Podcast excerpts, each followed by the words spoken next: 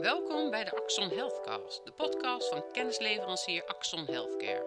Wij bespreken de actuele onderwerpen en hot topics voor de Nederlandse gezondheidszorg. Vanaf de redactie van Axon hoort u Jan Gussen, DJ Huisman en Caspar Brak. Via zelfregulering geven de genees- dan wel hulpmiddelenindustrie en de medische sector openheid over hun financiële relaties. En jaarlijks wordt dit transparantieregister wettelijk verplicht geëvalueerd. Wat blijkt er uit deze eerste evaluatie? Deze keer is ook bij ons aangeschoven Casper Klein. Hij is consultant bij Axel. We hebben het vandaag over de, uh, de financiële relaties tussen de, de genees- en hulpmiddelenindustrie en de medische sector. Uh, ja, die hebben een eigen register opgesteld hoe zij precies transparant kunnen zijn uh, over deze financiële relaties. Dan wil ik eerst even kort teruggrijpen op de regels van wat mag er nou precies en wat mag er precies niet. Er is namelijk een, een verbod op gunstbetoon. Ja. gunstbetoon ja, eigenlijk betekent als ik het heel populair zeg, dat een arts, uh, zorgverlener, voorschrijver, hoe je hem ook wil noemen, dat hij zich niet mag laten omkopen. En niet mag laten leiden door, door uh, financieel gewin. Uh, en dit volgt uit de wet BIG. Dus het is een wettelijke verplichting. Artsen die in het BIG-register staan, die mogen zich, ja, er is een verbod op gunstbetoon. Dat geldt dan op hen. Um, maar behalve dat dat verbod er is, um, ja, mogen heel veel dingen natuurlijk ook, ook wel. een arts mag zich wel laten bijpraten over hoe een product precies werkt ja, je kan je voorstellen, een, hulpmiddel, uh, hoe moet je het precies uh, in die operatie allemaal uh, gaan toepassen? Hoe kan je zorgen dat de kwaliteit dus verbetert? Ehm, of een, een, een, arts die ja, meer naar een farmaceut toe ja, spreekt op een conferentie en zijn onkosten vergoed krijgt omdat hij daar gaat spreken. Ja, dat, zijn, dat zijn dingen die mogen wel. Daar is van alles over geregeld. Dat heeft de, de CGR, dat staat voor... De, de code geneesmiddelreclame precies. Ja. Die, die, um, ja, die hebben een gedragscode opgesteld en alle deelnemende partijen, waaronder ook de, de uh, Vereniging Innovatieve Geneesmiddelen, uh, maar ook, ook, meer uh, generieke clubs, die nemen daaraan deel. en die hebben dus in de vorm van zelfregulering zichzelf opgelegd dat zij transparant zijn over deze financiële relaties. Dus het is geen wettelijke verplichting, maar wel een verplichting die volgt uit zelfregulering. Um, korte side note, de, de linkse oppositie in Nederland die heeft uh, uh, aangekondigd dat ze, dat ze eigenlijk een wettelijke verplichting willen. Zoals dat in België ook is. In België is, is er een wettelijk verplicht transparantieregister. Daarvan is, heeft minister Bruins gezegd, nou wacht eerst de evaluatie af van het transparantieregister. Kijk eerst even zelf, kijk eerst even hoe de, de, deze vorm van zelfregulering precies werkt. Uh, ja. ja. en de, dat, dat hebben we nu gezien. Nu, nu zijn we naar de, naar de cijfers aan het kijken. en ja, kijken we van wat staat er eigenlijk precies in het transparantieregister. En dan zien we vooral veel sponsoring en dienstverlening uh, naar ziekenhuizen.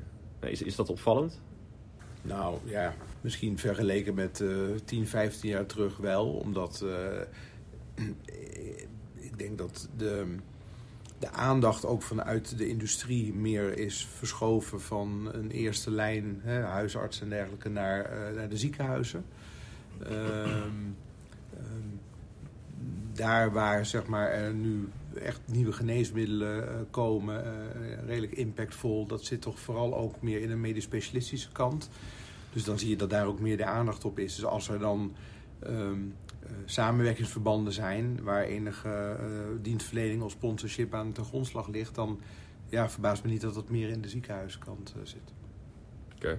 Ja, en vooral dan ook op, op de onderdelen waarin uh, je ziet dat, het, ja, dat er ook veel meer genees- en hulpmiddelen gebruikt uh, worden. Dus voor geneesmiddelen zie je dat de reuma ja. heel groot is. Ja.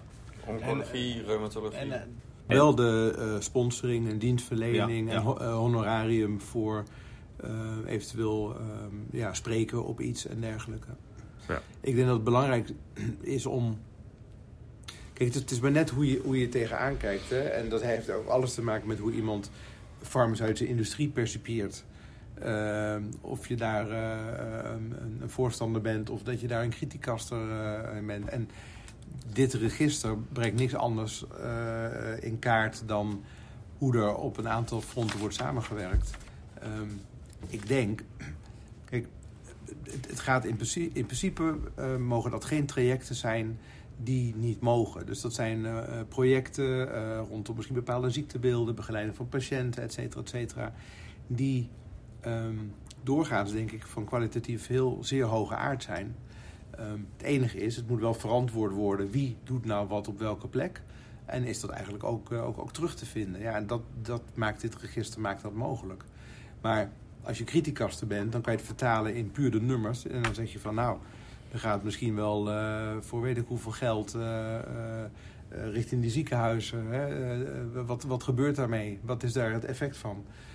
Terwijl je misschien ook kan zeggen, ja nee, daar gebeuren eigenlijk hele mooie dingen uh, mee uh, over de hele linie. En uh, um, dat is niet zozeer het geld, als wel dat er allerlei projecten en, en, en, en programma's achter zitten die, die hiervan worden bekostigd. Ja, plus je kan niet, natuurlijk niet uit deze cijfers gelijk afleiden dat ook er meer geld naartoe gaat. dat is wel een kop die je soms in de krant terugleest. Hè, dat, het, dat er meer geld vanuit de industrie naar de medische sector zou gaan. Alleen, ja, als je dan kijkt van waar baseren ze zich op, uh, dan zie je dat, er, uh, dat het aantal meldingen is toegenomen. Maar ja, dat er meer bedrijven meedoen, ja. dat betekent niet per se dat er ook meer geld vanuit de industrie nee. Uh, naar, ja, naar de sector, naar de medische sector gaat. Alleen wel dat er meer openheid over is. Het sluit, ja. het, sluit het overigens ook niet uit, maar uh, het, is, het, is, niet wat het, wat het meet inderdaad. Dus er zijn meer meldingen, dat betekent dat er meer participerende bedrijven zijn. Uh, waarmee je natuurlijk meer inzicht krijgt in de, nou ja, in de financiële relaties als, als totaal. En dat is eigenlijk wat je nu de afgelopen jaren ziet. Hè? Dus dat het gebruik ervan wel steeds toeneemt. En dat is denk ik hartstikke, hartstikke goed. En dat misschien nog eventjes, jij haalde België aan met een wettelijke verplichting. En daar is natuurlijk weer politiek gezien ook best wel wat roep om geweest.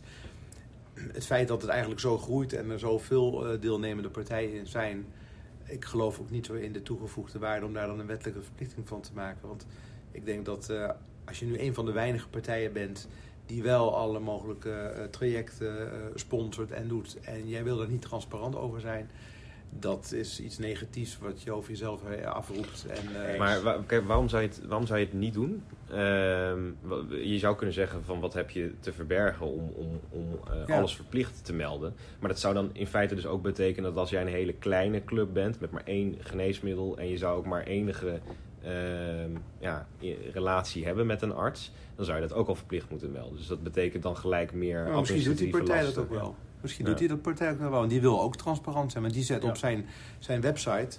Bij heel veel bedrijven, als je de website opent... zie je ook al keurig netjes wat zij precies doen op dat soort uh, dingen. Dus um, ik, ik, denk dat wat je, wat je zegt... de aantallen nemen jaarlijks toe. Steeds meer meldingen. Um, dat is eigenlijk ook een beetje die... Uh, dat is de, de, de, stappen, de volgende stap eigenlijk over de evaluatie. Maar wat daaruit komt... En... Um, ja, ik denk dat de, de, de, winst van zeg maar, een wettelijke verplichting ja, niet heel is. Op, op zich niks mis mee, maar waarom zou je het doen?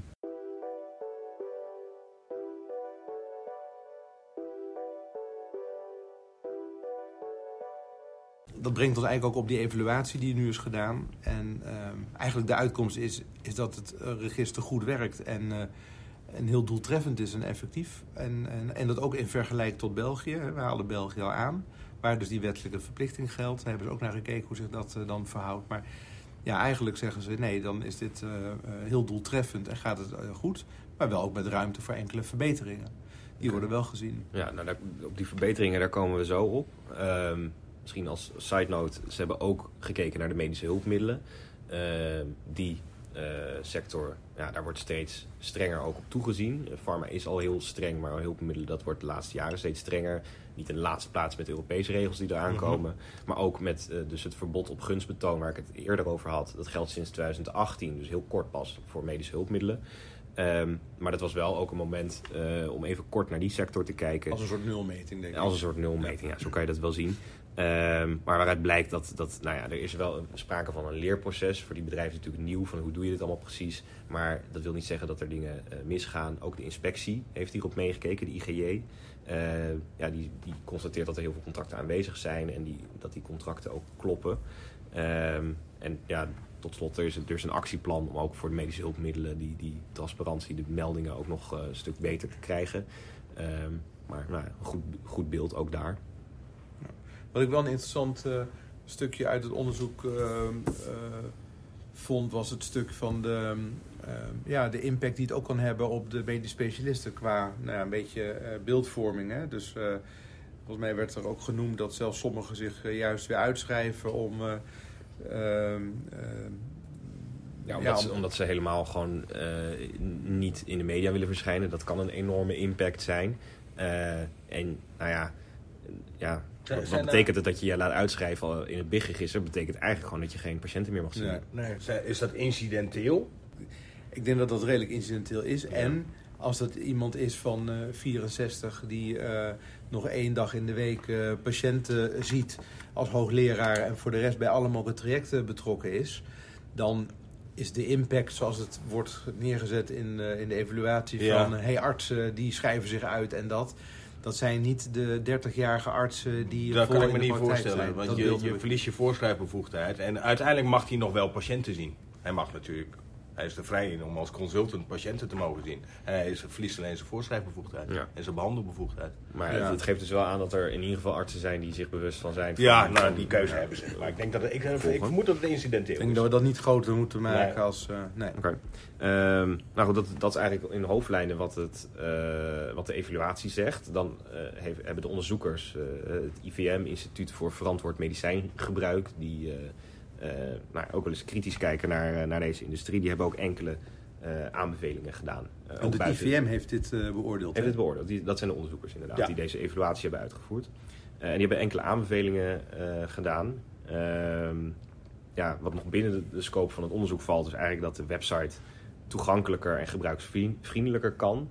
Ehm, ja, dus, dus een betere zoekfunctie. Dat is, dat is altijd goed om te evalueren. Ja. Ja, en op, op, op eigen titel uh, buiten de scope van het onderzoek hebben ze ook nog drie dingen gezegd. Ja, het is nu misschien wat moeilijk om uh, via die website uh, ook echt overzicht te krijgen als je in informatie op zoek bent. Dat is een ja, proces. dat, dat lijkt waar ze bedoelen. Maar goed, prima. Verbeterpunt wat in de uitvoering vrij makkelijk is, lijkt me. Dus, ja. ja. ja. maar goed. en vervolgens hebben ze ook nog drie punten aangegeven. Namelijk dat ze meer gegevens uh, zouden willen zien. Dus niet alleen op het niveau van, van tussen een, een, een fabrikant en een ziekenhuis, maar ook misschien wel op, het, op, op, de afdeling van het ziekenhuis of, of, of nog een niveau lager op, op de arts zelf. En in sommige gevallen wordt dat niet zo duidelijk uitgekristalliseerd. Dus op die manier willen ze graag meer gegevens. Maar de meeste, de meeste uh, samenwerkingen die zijn op instellingniveau, niet zozeer op artsniveau. Of wel op, of wel op artsniveau. Ja, dat, dat hangt maar net uh, vanaf waar het over gaat. Kijk, als het om sprekers gaat, dan, dan is het niet per se iets van een, ja, ja, dan is het op artsniveau. Uh, maar goed, dat zouden ze zoveel mogelijk uitgekristalliseerd willen zien. Uh, dat is in ieder geval één aanbeveling die ze doen. Ze willen ook die, die 500 euro grens, want dat is eigenlijk de grens van, van waarboven die meldingen zijn. Uh, die willen ze heroverwegen, althans dat bevelen ze aan. Naar beneden, naar beneden bijstellen? Naar beneden bijstellen. is, ooit is die 500 euro gekomen uit een uh, rapport van wat nu de, de Raad voor Volksgezondheid en Samenleving heet. Um, en ja, we zien dat dat in het buitenland, die 500 euro, soms ook wel op 50 euro ligt. En ja, waarom zou je dat eigenlijk niet doen? Nou, dat, dat is een aanbeveling die ze, die ze doen. Dus eigenlijk het vangnet vergroten en meer uh, informatie verzamelen. Daar komt ja, het dan op ja, ja. En heroverwegen. Hè? Dus vooral van, ja, je hebt het toen even uit het rapport gehaald, maar wat vind je nu? Ja. Um, en tot slot ook, ook de ontbrekende gegevens over klinisch onderzoek. Ja, dat zit er nu niet in. Ja. Ik denk maar dat, dat, dat, is een, heel, dat is een heel groot stuk natuurlijk van het geheel. Hè? Ja. Ja. Als je ziet, wat, daar wordt heel veel geld uh, gaat erin om natuurlijk. Ja, dus ja maar het zijn ook investeringen in onderzoek. En ik denk dat je die bedragen ook op een hele, in een hele andere context moet plaatsen dan... Uh... Een sponsoring of zo. Ja. ja. Maar dat moet dan wel geoormerkt worden, dat dat klinisch ja, onderzoek precies, is. Ja. Ja. ja, dat dat getagd is. Ja. Nou, en ik... En ik en nogmaals, ik denk dat het belangrijk is, even als je naar het hele ding kijkt, is dat het gaat natuurlijk om meer transparantie in dingen. En eigenlijk dit is een zelfregulerend iets, lukt dat eigenlijk heel doeltreffend en effectief. Al dus ook dat onderzoek, die evaluatie. Dat, uh, dat het heel inzichtelijk is wat voor financiële banden er, er zijn en, op, op, en hoe dat is ingevuld. En als daar klinisch onderzoek ook bij komt, nou, dat is denk ik hartstikke mooi. Maar staat opvalt wel met wie daar, vanuit welke rol dan met die gegevens, uh, hoe je daar gebruik van gaat maken en hoe je daarnaar gaat kijken als je het alleen maar vertaalt in uh, kijk eens naar dit bedrag en uh, per definitie dit kan niet goed gaan, want uh, dit is farma-industrie of medische hulpmiddelen, et cetera. Ja, dan, dan, dan slijt de plank mis. Hè? Dus ik, ik, ik denk dat het alleen maar goed is als je deze aanbeveling ook ziet. Hoe meer nog gedetailleerd dingen daarin duidelijk zijn, ja. hoe, ja, ja, hoe, hoe transparanter en, en, en hoe beter. Ja. ja. Nou ja, tot slot, uh, als je zegt van ja, het hangt er vanaf hoe je er naar kijkt. Kijk, sowieso de inspectie kijkt hier ook op mee. Dat zagen we bij die medische hulpmiddelen, maar dat doen ze ook als het gaat om, alle andere uh, facetten van het transparantieregister. Dus daar wordt ook echt kritisch naar gekeken. Maar ja, het, het blijft een vorm van zelfregulering. Pak ik hem toch weer even terug naar de, naar de politiek. Uh, want minister Bruins die, ja, die, die heeft wel deze evaluatie laten uitvoeren. Dat volgt uit die wet BIG. Um, ja, en, en, die zegt in feite van, nou ja, ik organiseer een bestuurlijk overleg tussen al deze betrokken partijen, die we dus eerder hebben genoemd, uh, en die mogen hiermee verder aan de slag. Dus nou, het is weer aan de zelfregulering. Maar waarom, waarom, uh, waarom die stap eigenlijk? Want ik bedoel, de uitkomst van dat uh, rapport is, nou, het is efficiënt en doeltreffend, dus het loopt goed. Waarom zou je een bestuurlijk overleg gaan initiëren om met allerlei partijen hier verder naar te kijken als ja, omdat eh, in feite dus zegt hij hiermee uh, dat hij er niet verder zelf niet heel veel mee gaat doen. Hij uh, laat het ook wel weer aan de markt. Hij laat het aan de markt. want er zijn wel bepaalde aanbevelingen gedaan. Of het nou van die website is of die andere die ik net noemde. Maar hij zegt van nou ja, al die partijen, ik zet ze aan tafel. Ik geef het rapport in het midden en ik zeg nou veel succes ermee. jullie gaan het hier nu even over hebben. Nou, dat is in feite het enige wat hij doet. Maar weer even de, de Dit was het alweer voor deze aflevering van de Axon Healthcast. Wist u trouwens dat we onze podcast ook delen op Spotify en in de podcast app? Dan kunt u ook een recensie of rating achterlaten. Dat helpt ons om dit project verder te ontwikkelen. Axon hoort graag wat u vindt, dus stuur uw vragen of opmerkingen gerust naar redactie.axon Healthcare. Hartelijk dank voor het luisteren en graag tot ziens.